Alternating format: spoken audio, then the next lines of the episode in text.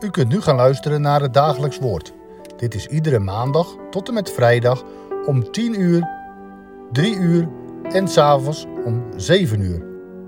Deze meditatie wordt verzorgd door kandidaat Dijkdrent.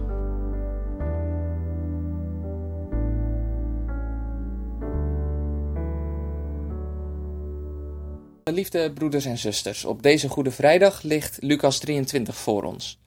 Op het rooster staan de versen 32 tot 34, maar ik lees door tot en met vers 43. En daar lezen wij het evangelie als volgt. En er werden ook twee anderen weggeleid, misdadigers, om met hem ter dood gebracht te worden. En toen zij op de plaats kwamen die schedel genoemd werd, kruisigden ze hem daar. Met de misdadigers, de een aan de rechter en de ander aan de linkerzijde. En Jezus zei: Vader, vergeef het hen, want ze weten niet wat ze doen. En zij verdeelden zijn kleren en wierpen het lot.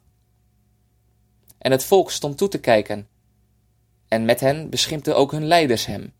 Zij zeiden: Anderen heeft hij verlost. Laat hij nu zichzelf verlossen als hij de Christus is, de uitverkorene van God. En ook de soldaten kwamen en bespotten hem en brachten hem zure wijn. En zij zeiden: Als u de koning van de Joden bent, verlos dan uzelf. En er was ook een opschrift boven hem geschreven in Griekse, Romeinse en Hebreeuwse letters. Dit is de koning van de Joden. En een van de misdadigers die daar hingen, lasterde hem en zei: Als u de Christus bent, verlas dan uzelf en ons. Maar de andere antwoordde en bestrafte hem: Vrees zelfs u God niet, nu u hetzelfde vonnis ondergaat? En wij toch rechtvaardig, want wij ontvangen straf overeenkomstig wat wij gedaan hebben. Maar deze, deze heeft niets onbehoorlijks gedaan. En hij zei tegen Jezus: Heere, denk aan mij, als u in uw koninkrijk gekomen bent. En Jezus zei tegen hem: Voorwaar, zeg ik u, Heden zult u met mij in het paradijs zijn. Het sterven van een mens is een indrukwekkende gebeurtenis. Zij die aan het sterfbed hebben gestaan, zullen het beamen. Het onontkoombare en ondoorgrondelijke en hetgeen diep door de ziel kan snijden, voltrekt zich voor de ogen. De eindigheid van het leven en het afscheid. De momenten rondom een sterfbed kunnen er zeer bijzonder door zijn. Plotselinge openheid bij mensen die voorheen gesloten waren, maar toch nog het laatste kwijt willen aan hun geliefden en vrienden. Het levert nogal eens ongedachte gesprekken op. Geen tijd meer voor koetjes en kalfjes. Nu nog de zinnige dingen. Dat wat er in het hart leeft, of nog aan het hart trekt. Dat wat gezegd moet worden, voordat de tijd aanbreekt. Als men de Heere op zijn sterfbed heeft gelegd, of beter gezegd, aan zijn kruis heeft gespijkerd, worden we door het getuigenis van de evangelie deelgenoot gemaakt van een aantal van dat soort gesprekken. Daar waar de sterveling, de lijdende knecht, zijn laatste woorden richt tot hen die hem lief zijn. Zijn woorden zijn spaarzaam, om de krachten te sparen. Het is afgelopen met de lange leerredes en de spitsvondige verhalen. Er klinken slechts nog woorden, korte zinnen, kreten. Korter de vorm, niet minder de diep de inhoud. De woorden van de heiland aan het kruis raken de diepste diepte van het hart en vloeien over van liefde. Als hij zijn moeder troost wanneer het zwaar door haar ziel gaat. Als hij zich tot zijn vader richt wanneer deze hem verlaat ja, zelfs, o groot mysterie van de liefde van Christus, zelfs als hij zich richt tot het geheel van de zondaarswereld en de kosmos, het geschapene, als hij de woorden uitroept, het is volbracht. Dit sterfbed is echter geen zoet gebeuren. De Heere slaapt niet rustigjes in. Hij hangt aan het kruis, ja dat, maar nog meer dan dat, het is waar sommigen van ons ook wel mee te maken hebben gehad aan het sterfbed. Wanneer de diepste onmenselijkheid bij ons mensen omhoog kan komen, dat er kwade woorden vallen rondom het sterfbed. Dat bij het sterven de grootste drempel waarover wij mensen zullen moeten gaan, en in de doodstrijd, de bitterste strijd die wij moeten strijden, die hij moet strijden, dat er bij zijn lijden ook nog spot wordt toegedaan. Laat hij zichzelf verlossen. In dat gebeuren, daar aan het sterfbed van de Messias, dat sterfbed wat zo die twee kanten in zich heeft, die intimiteit en dat vreselijke. Daar vraagt Lucas nu onze aandacht voor een klein gebeuren. Naast Jezus liggen twee anderen te sterven, hangen twee anderen te sterven. Het is een gedeeld sterfbed, lotgenoten wat het vlees betreft. De twee tekenen uit wat zojuist gezegd is. Rondom een sterfbed kan er spot klinken, erop dus ook. Maar dat andere wat er gebeurt, het belangrijke moet worden gezegd. Geen doekjes moeten erom gewonden worden als het einde nadert. Dat ook. En zo klinkt het uit de mond van een van die twee.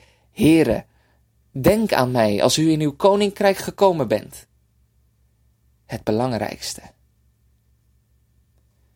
Heeft de misdadiger geweten wat het onderwijs van Jezus was?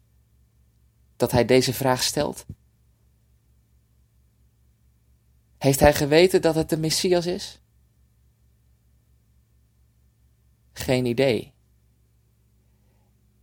Hij heeft wel van Jezus geweten. Hij wist dat Jezus niets onbehoorlijks gedaan had, in tegenstelling tot zichzelf. Maar of hij de diepte van zijn woorden bevat? Ik denk het niet. Ik denk dat hier de werking van de geest achter gezocht moet worden, die, die de mannen doet uitroepen in zijn diepste nood. En de Heer Jezus schenkt de man zijn begeren, waar het ook vandaan komt, want wie hem aanroept in de nood, vindt zijn gunst oneindig groot. En wat maakt het ook uit, hoe je bij de Heer Jezus geraakt, als je er maar bij geraakt. Er kan zelfs de doodstraf voor nodig zijn. O ondoorgrondelijke wegen, die wegen van God. Het is maar een klein gebeuren daar aan het kruis, tussen de Heere en die misdadiger. De wereld zal de woorden niet gehoord hebben. Misschien hooguit dat kleine groepje mensen die er dichtbij stonden. Eerder denk ik dat Lucas dit niet door getuigen te weten is gekomen, maar door het getuigenis van de heiland zelf in zijn hart. Maar ach, dat is maar mijn gedachte. Daar komt het in ieder geval tot een einde, op die heuvel. De duisternis zet in, diepe donkerte, een laatste kreet. En Jezus gaat de misdadiger voor, om hem de toegezegde plaats te bereiden. Lieve broeder, lieve zuster, als wij vandaag in ontmoeting treden met de Heere, hoe zal ons verkeren rond zijn sterfbed zijn? Misdadigers zijn wij, van geboorte af. En wij zitten onze tijd uit in een grote dodencel, wachtend op dat moment dat de straf voltrokken zal worden. Hoeveel tijd ons rest, weten wij niet. De man aan het kruis heeft het ook niet precies geweten, maar dat het einde kwam, wist hij wel. Wat zal vandaag uw houding tekenen? Afkeren van Jezus? Meedoen met de wereld die hem bespot? Geen acht slaan op hem? Of hem negeren? Negeren is in dat opzicht niets beter. Of is onze blik door hem gevangen? Hebben wij al die woorden die ons in het verleden ter oren zijn gekomen over hem, toch iets in ons losgemaakt? U, die zoveel meer mag weten van deze Heere Jezus, heeft u niet veel meer reden om vandaag er geen doekjes om te winden en het belangrijkste te zeggen, één op één, hem te vragen of desnoods hem toe te schreeuwen, Heere, gedenk mijner. Als op deze wijze onze gang naar de kerk, of het nu digitaal of lijfelijk is, zo wordt. En dat het de gang naar een huis van rouw, over het sterven van de Heere Jezus wordt. Dan is het vreemde woord van de prediker waar gebleken, als hij schrijft: Het is beter naar een huis van rouw te gaan, dan naar een huis waar er gefeest wordt. Want, merk op, mijn ziel, wat antwoord hij u geeft. Het is het woord dat daar geschiet, het woord van onze Heere. Hij zegt Amen. Ik zeg u, heden zult u met mij in het paradijs zijn. Laten wij bidden. Onze Vader, die in de hemelen zijt, uw naam worden geheiligd, uw koninkrijk komen, uw wil geschieden gelijk in de hemel, alzo ook op de aarde. Geef ons heden ons dagelijks brood, en vergeef ons onze schulden, gelijk ook wij vergeven onze schuldenaren.